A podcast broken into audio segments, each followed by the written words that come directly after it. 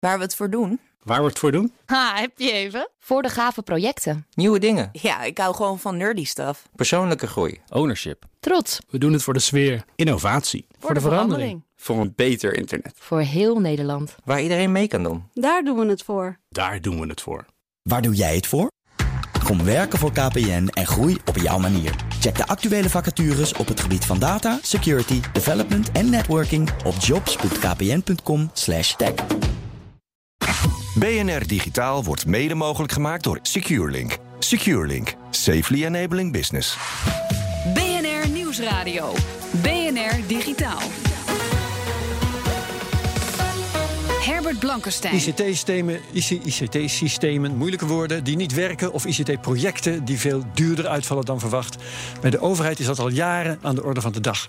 Twee recente voorbeelden spelen zich af bij de Belastingdienst en bij de Voedsel- en Warenautoriteit. Dat roept de vraag op: krijgt de overheid eigenlijk ooit nog controle op ICT? Daar ga ik over praten met René Veldwijk, managing partner bij de Ockham Groep. Schrijft veel over dit onderwerp op computable.nl. Welkom. Goedemiddag. Um, en was ook ooit gehoord door de commissie Elias hè, van uh, het onderzoek ja, naar. Ja, ik was ook met een aantal hoogleraren was ik uh, extern klankborder. In de beginfase van dat ja. uh, parlementair onderzoek. Nee, je was inderdaad niet de enige. Um, die recente gevallen uh, bij de uh, Voedsel- en Warenautoriteit wordt de ICT vernieuwd. En wat daar, gaat daar precies mis volgens jou? Nou, wat er precies misgaat, dat weet ik niet. het is een heel erg groot heel erg groot ICT-project, groot en meeslepend. Um, dat is vaak het probleem toch al? Dat is, dat is het eerste probleem natuurlijk. Ja. Hè? De, de, overheid, iedereen, iedereen bij de overheid kijkt nu naar Estland. Uh, daar zijn ze heel innovatief bezig. Maar de grootste innovatie is dat ze heel weinig geld hebben. Dus dan moet je slim zijn. Um, en zijn ze dat ook in Estland? Even tussen Ja, zijn ze heel erg innovatief bezig. Dus daar gaat het wel goed met de overheid in alles ICT. is daar open ook. Dus, uh, Spannend, ja. Ze maken toch ook heel veel fouten daar in Estland? Ik hoop het. Uh, want iedereen maakt fouten. Ja, nee, ze, ze, ze, stel je voor dat het ubermensen zijn. Maar de, bij, bij, de, bij de Nederlandse overheid kan, kunnen mis, dingen die misgaan eindeloos uit de hand lopen. Dat is kenmerkende voor. Dus het grote, bedoel je in feite? Het grote verschil tussen de ICT-projecten bij de overheid en het bedrijfsleven is niet dat dingen vaker fout gaan, dat is ook vaak zal zo zijn, maar met name dat het heel lang uit de hand, uit de hand kan lopen. Uh, dus op het moment dat iedereen weet dit project gaat er niet meer worden, en dan, wordt het zo dan blijkt pas achteraf dat pas een derde van de kosten uitgegeven is. Want daarna wordt hey, het is politiek belangrijk. Uh, in dit geval minister Schout heeft een probleem, dus dan heb je de neiging, gooi je er meer geld dan tegenaan. extra veel, ja, ja, ja. En dat gaat in Estland, het gaat vandaag niet over Estland, maar ja. het maakt me toch nieuwsgierig. Daar gaat dat anders? Oh, dat zijn gewoon harde grenzen. Ze zijn niet zo rijk als wij. Ze hebben 1,3 miljoen inwooners. Precies, um, daarom zeg jij, omdat ze weinig geld hebben, gaat het eigenlijk beter. Moet je slim zijn en omgekeerd. Oké, okay. oh, omlaag die budgetten dus. Uh, ja. Lijkt me interessant. Maar goed, um, bij de Voedsel- en Warenautoriteit is uh, het probleem dus dat het allemaal te groot is opgezet. Nog meer? Ja, wat je leest. Ik, ik, ik, heb dus een, uh, een, rapport gelezen van Berenschot. En dat zie je heel duidelijk een patroon van wat heel goed denken. Wat een paar jaar geleden bij de, bij de Sociale Verzekeringsbank is gebeurd. 100, 250 miljoen schade. Wat de UWV een aantal jaar geleden heeft gedaan. Dus heel een patroon van we gaan hele grote trajecten doen. normaliter wordt er dan een, een van de grote IT-bedrijven ingehuurd. En wat hier heel bijzonder is, is dat dat een andere overheid is, een andere overheidsorganisatie, die verantwoordelijk is voor een groot deel voor de realisatie van de systemen. En dat maakt de zaak helemaal geweldig. Dat, de, die club heet DICTU, is een onderdeel van, uh, van het ministerie van Economische Zaken en Klimaat. Um, en ik heb daar een paar keer over geschreven, want dat is een hele bijzondere club die heel veel belastinggeld uitgeeft en eigenlijk onder de radar zit. Ja, als je nu grote projecten gaan doen voor, uh, voor andere overheidsorganisaties. Ja, dan gaat het niet alleen uh, heel erg mis. Want ja, uiteindelijk. Dictu is een soort hostingbedrijf voor de overheid. Dat zijn ze oorspronkelijk. Oorspronkelijk okay. gaat het om, om werkplek, werkplekinrichting uh, uh, en, en, en, hosting. maar het blijft natuurlijk niet bij, want die jongens die gaan. Nou, denken, goh, eigenlijk heb jij zo'n systeem nodig. Ik ga een aanbesteding doen voor een zaaksysteem. En ik, dus er is ook helemaal geen markt. Het wordt gewoon bedacht. Uh, dus er zijn een aantal dingen daar verschrikkelijk misgegaan. En de, nou ja, die komen halen jullie uitzending niet. Omdat, omdat ja, weet je, dat gebeurt ergens in de krochten van de overheid. Ja. Nu werken ze voor andere overheden die, die, waar echt de primaire processen erop draaien. En lukt het niet. Ja, en op een gegeven moment is het kennelijk nu zo groot dat het, dat het niet meer onder ja. onder de pet te houden is. Even naar Ricky Gevers kijken. Um, zie jij, want jij, jij uh, doet uh, ICT weliswaar vooral beveiliging. Um, ja, uh, ook behalve overheden, ook bij. We, weet jij of in het bedrijfsleven dit soort dingen ook vaak misgaan? Uh, ja, dat vind ik wel leuk dat je dat vraagt. In de zin van, ik maak het vaak mee wanneer het fout gaat. Dus ik word ingehuurd op het moment dat het fout gaat. En het beeld wat ik juist van de samenleving krijg... en dat gaat, geldt dan alleen voor cybersecurity hoor. Dit zijn een soort van start-ups zou je bijna kunnen zeggen. Er wordt iets nieuws gemaakt. En ik kijk naar het huidige eh, netwerk in feite. En wat je dan ziet is dat het eigenlijk redelijk vergelijkbaar is. En het grappige bij de overheid is vaak dat je een soort van baseline hebt. Die hebben een soort van gemiddelde wat goed is. En wat ik in de praktijk bij de commerciële kant zeg maar meemaak... Eh, is dan heb je soms een multinational die echt zwaar onder die baseline uh, bijvoorbeeld al functioneert. Dus daar zijn de verschillen onderling wat groter. En bij de gemeentes is het een geleidelijk niveau. Uh, maar gemiddeld genomen is het dus wel, uh, wat mijn ervaring in ieder geval is, op eenzelfde niveau. Het is niet specifiek slechter. En een concreet voorbeeld kan ik daar ook van geven. Dat is wel een leuke namelijk. In 2013 hebben we een malware-uitbraak hier in Nederland gehad. En, um, wat was de naam ook weer van het virus ja, ik weet de naam even niet was meer. Was het Notepad? Ja, dat ook nee, nee, nee, Oekraïne? nee, nee, nee, okay, nee, langer geleden in ieder geval. Okay. Het was een, een versie van een variant van de Zeus malware was het. Okay. En die werd, een cybercrimineel had besloten om Nederland uh, aan, te, aan te gaan vallen op dat moment. En toen kwam in het nieuws overal te staan dat gemeenten plat lagen. En dat was een heel iconisch stukje was dat. Dan zag je dat een gemeente die ging over terug op de typemachines. Nou, ja. dan hoor je iedereen daar natuurlijk over praten. Maar ik wist op dat moment, omdat wij ingehuurd werden door de andere commerciële partijen, dat de commerciële kant net zo hard geraakt werd. Het enige verschil is dat gemeenten makkelijker met dit soort falende uh, ja. problemen naar buiten toe treden dan dat commerciële partijen dat doen. Omdat die er natuurlijk belang bij hebben dat het niet naar buiten toe komt. En bij de gemeente is dat net iets minder. Als het misgaat in de ICT, heeft het ook direct gevolgen voor de veiligheid trouwens? Uh, dat ligt er helemaal aan. Waar, maakt, waar, het okay. hier over gaat, is denk ik vooral een investering van iets nieuws wat gemaakt wordt. En ik vind ja. het wel goed dat jij, of, wat je, of grappig wat je zegt over die budgetten.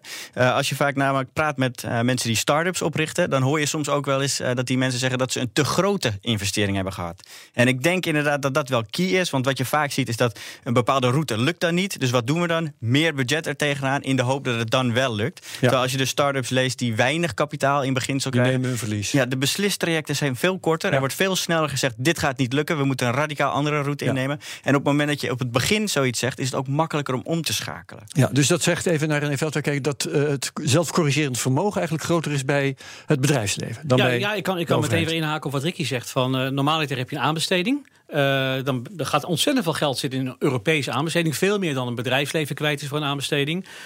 Uh, ben je dan helemaal, heb je eenmaal een partij uh, geselecteerd, een Capgemini of een CGI of een, of een Ordina of een Atos.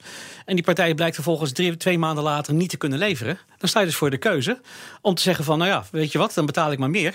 Uh, of ik ga nu terug en ik ga de hele aanbesteding overnieuw doen. En zodra iets politiek belangrijk is, en dat is er heel snel, gebeurt dat niet. Dus wat je ziet bij de overheid is dat ze echt de facto met die aanbestedingen gegijzeld worden.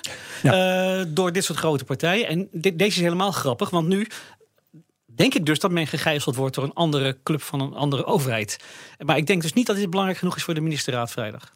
Weet je waarom uh, er nooit twee trajecten tegelijk worden gestart eigenlijk? Zodat je nog op een gegeven moment kan beslissen van ja, dit traject lijkt veel belovender dan het andere traject. Er wordt nu eigenlijk altijd maar één traject gekozen. Nee, dus gebeurt, heb je maar het gebeurt heel vaak. Oh. Uh, dat er, ja, meestal gaat het heel snel mis bij die grote projecten. En dan zie je nog regelmatig dat er gewoon een projectje ernaast wordt. Uh, wordt, uh, wordt maar wordt die daarna opgestart of tegelijkertijd? Als het misgaat, maar dat is meestal heel snel. Okay. René, uh, in 2014 hadden we de commissie Elias. Die onderzocht ICT bij de overheid. Jij werd er ook gehoord. Er kwam een rapport met aanbevelingen. En daar hebben wij het BID aan te danken. Ja. Het bureau ICT-toetsing. Die zijn intussen zo'n twee jaar actief. En er is een website met al hun rapporten. Um, hoe gaan zij te werk? Zij uh, gaan te werk binnen de Rijksoverheid, dus niet gemeente bijvoorbeeld, waar ik je het over had. Binnen de Rijksoverheid uh, zijn ze een soort sluis. Aan het begin van een project gaan ze kijken van, zou dit kunnen gaan werken? Ja. Niet alle projecten, alle projecten groter dan 5 miljoen euro. Dus heel veel projecten worden nu opgeknipt dat ze onder die 5 miljoen euro komen natuurlijk. Dat zou je snappen. Serieus? Ja, nee, absoluut. uh, maar dan hou je nog heel veel over die boven de 5 miljoen Ongeveer zijn. elke maand verschijnt daar een rapport. Kan ik iedereen aanraden ja. trouwens. Die zijn niet al te lang, goed leesbaar. Ja. Uh, maar jij hebt er wel wat op aan te merken. Ja, in het algemeen gesproken, als je gewoon de kant leest en naar BNR luistert, dan kan je zien dat toezicht een groot probleem is. En dat ja, is nee, maar daar, daar, was het BID dus voor. Het BID is toezicht, maar het probleem ja. met alle vormen van herhaald toezicht is dat uiteindelijk de, toezicht, de, de, partij die toezicht houdt altijd in bed belandt met degene op wie toezicht wordt gehouden. Want die mensen moeten altijd weer een baan krijgen daarna. Of, uh, in dit geval is het ook heel erg ongelukkig opgehangen in de overheid. Want de baas van het BIT is de Rijks-CIO, de hoogste IT'er bij het Rijk. Ja, en die, lijkt me logisch. Jawel, maar die heeft geen zeggenschap. Die praat met alle ministeries, maar dat is de belangrijkste diplomaat. Die kan, die kan geen aanwijzingen geven, die kan alleen maar zeggen... zou je niet, zou je niet dat. Ja. En dan is het dus heel vervelend als je onder je een club hebt... die daar schoppend rondloopt. Ja, toch als ik die rapporten bekijk, dan staat daar over een, een nieuw uh, luchtverkeersleidingssysteem. Het is te groot en het gaat waarschijnlijk vertraging oplopen. En het project bij Defensie is ook te groot en gaat te duur worden en weet niet wat allemaal, gaat misschien niet afkomen. Een ander project, daarvan zeggen ze dat is zo groot, het mag eigenlijk niet falen en toch is het heel riskant. Het zal mogelijk, dat was trouwens het NVWA-project. Mm -hmm. Dus daarvan zou je kunnen zeggen, dat hebben ze vorig jaar al voorzien. Dat vind ik toch, dat vind ik interessante waarnemingen. Dan denk ik, die rapporten, dat moet je lezen. Ja, ik, ik vind het nogal gratuit wat ik meestal zie. Ja, dus okay. uh, ja, het, ik, kan anders, ik kijk er echt heel anders naar. Want ja, de, de dingen die uh, hoef, je, hoef je niet voor gestudeerd te hebben. Dat een project wat gewoon je hele ICT gaat veranderen... heel groot is en heel risicovol is. Uh, dus ja. ja. Nee, goed. Dus, dus um, laat ik de vraag zo stellen. Heeft het onderzoek van het BIT alles een, een ramp voorkomen?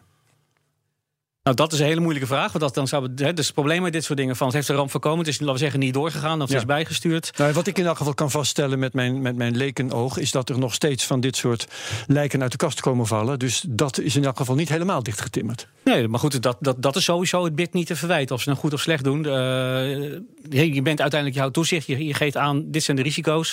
Het probleem is alleen dat Ja. het BID natuurlijk voorzichtig moet opereren. Ja, ze Eh, hebben geen serieus gezag, begrijp ik. nou, gezag misschien wel, maar ze hebben geen macht. Precies, ze kunnen Ehm, niet zeggen, dit, dit wordt niks, hou er maar gewoon mee op. Dat kunnen ze zeggen, maar dan hebben ze de, de volgende dag komt hun baas weer aan tafel met de, de secretaris-generaal van het ministerie van Landbouw en Visserij. En die zegt: Wat maak je me nou? En op dit moment ligt het BID ook serieus onder vuur. Omdat ze, eh, ze hebben eh, twee rapporten uitgebracht over de basisregistratie personen, de nieuwe bevolkingsadministratie. Ja. In 2015 zeiden ze. Had ze een rapport wat jij wellicht dan heel mooi gevonden zou hebben. Van, nou, het wordt heel hard werken. En, eh, schoongevuld. Minister Plasterk geeft ze meer geld en meer tijd. Dat was precies wat meneer Plasterk wilde horen. Want toen kon hij het project lekker heen tillen over Rutte 2. Ehm, en vervolgens eh, is dat project dramatisch mislukt. En in 2017, meen ik te weten...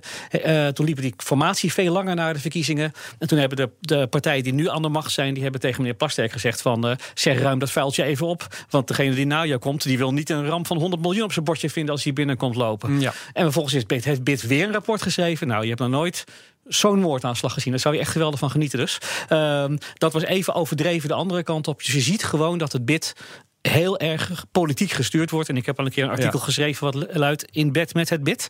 Ehm, en dat zie je steeds meer. Ja. Nou, hoe kan het dat er zo'n groot verschil zit tussen die twee rapporten? Is dat echt puur omdat er blijkbaar een politieke sturing aan zit? Inderdaad. Ja, goed, Dat is jouw enige conclusie daaruit? Oh ja, goed, er, er ligt dus nu ook een brief bij de Kamer eh, van, de, van een stel ambtenaren die bekeken hebben hoe het, hoe is het nou gelopen met die bevolkingsadministratie. En die zegt zo wel heel merkwaardig dat ze het eerst het ene moment zeggen en dan het andere moment eh, zeggen ze iets heel radicaal anders. Eh, Zonder dat ook onder, enige onderbouwing is. Want Ja. dit levert nooit onderbouwing. Het BID schrijft een brief en that's it. En wat, wat de onderbouwing daarvan is. eh, ik, ik denk dat naar het BID wordt heel jaloers gekeken door commerciële auditpartijen. Want die moeten altijd kunnen uitleggen eh, waarom ze iets beweren. Oké. Dit hoeft het niet. Ja. Ricky, hoe zou jij een toezichthouder op overheids-ICT inrichten? Wat voor, wat voor bevoegdheden zou je die geven bijvoorbeeld? Ja, je gaat nou heel verschrikt kijken. Ja, een hele lastige Ik ben vraag. maar een hacker. Ik, ik zou wel een vraag aan jou nog willen stellen, aan René. Ehm, zijn we beter dan het- met het bid af of zonder het bid? We zijn, dat, dat een hele moeilijke vraag. De BID heeft heel veel secundaire effecten. Ik noemde al een voorbeeld dat projecten opgeknipt worden om onder die 5 miljoen te komen. Als je mij Dat zou lijkt me ongewenst. Ja, dat, dat- is een, dat is een Ja. bijwerking van het medicijn. Ja, on- ik denk dat, bijwerking, ja. ik denk dat eh, dit medicijn heeft meer bijwerkingen dan dat het geneest. is wel zo dat ik verwacht dat het BID straks anders gepositioneerd gaan worden. Moet ik even uitleggen. Meneer Elias die het bedacht heeft, die zei van... hang het onder Rutte. Hang het onder de minister-president. Want dat doen ze in Engeland ook. Nou, iedere politicus die een beetje weet hoe het in Nederland werkt, moet dan hard lachen. Want dat kan helemaal niet in Nederland. Eh, dus is er gezegd, dat gaan wij dus niet doen. We hangen het onder de minister van Binnenlandse Zaken, zeg maar. Zo dicht mogelijk. Eh, en vervolgens zegt, hebben de ambtenaren gezegd, weet je wat, we hangen het onder de Rijks-CIO. En dat was een- dodelijke vergissing. Dus je zou het wel beter kunnen positioneren. Dan krijgen die mensen meer vrijheid. Eh, maar ja, het is net zoals met bankentoezicht en zo. Eigenlijk moet je ook zeggen... mensen die daar werken moeten de komende x jaar... niet dan weer opeens eh, voor de overheid gaan werken. Want, Ja. want zo werkt dat. Een andere oplossing die wel eens is eh, genoemd, geopperd. eh, neem, maak een eigen overheids-ICT-organisatie en huur daar cracks in. En neem als budget alle, alle geld dat je gaat uitsparen door het eindelijk eens goed te doen. Is dat een redelijke optie? Oh, dat, dat, lijkt heel erg op, dat lijkt, lijkt, heel erg op dat dictuur waar ik net over had. Oh, help. Ja, dat is eigenlijk het kortste antwoord wat ik kan geven. Uh, nou, kijk, het belangrijkste verhaal is inderdaad transparantie. Uh, ja. uh, wat niet werkt. Eigenlijk wat niet werkt is zoals het BID nu gepositioneerd is. Aan het begin kijken of het goed of fout gaat. Dat werkt niet. En waarom werkt dat niet? Omdat dan is het politiek belangrijk. Het grote verschil, Ricky, tussen die projecten die fout lopen... is dat het eindeloos doorloopt. Dat dit project misloopt... Dus je moet uiteindelijk um, in de loop van een project moet je het gaan beoordelen en gaan zeggen: dit kan wel of niet doorgaan. En dat kun je alleen maar doen door, de, door openheid te betrachten. Dit zo ziet de broncode eruit, zo zien de specificaties eruit. Hartelijk dank. René Veldwijk van Okkum. En Rikke Gevers was mijn backup. Ook heel hartelijk bedankt. BNR Digitaal wordt mede mogelijk gemaakt door SecureLink. SecureLink. Safely enabling business. Ook Hugo Reitsma vind je in de BNR-app. Superhandig die BNR-app. Je kunt alle programma's live luisteren, breaking nieuwsmeldingen. Je blijft op de hoogte van het laatste zakelijke nieuws. En je vindt er alle BNR-podcasts, waaronder natuurlijk de belangrijkste, Boeken zijn in de wijk. Download nu de gratis BNR-app en blijf scherp.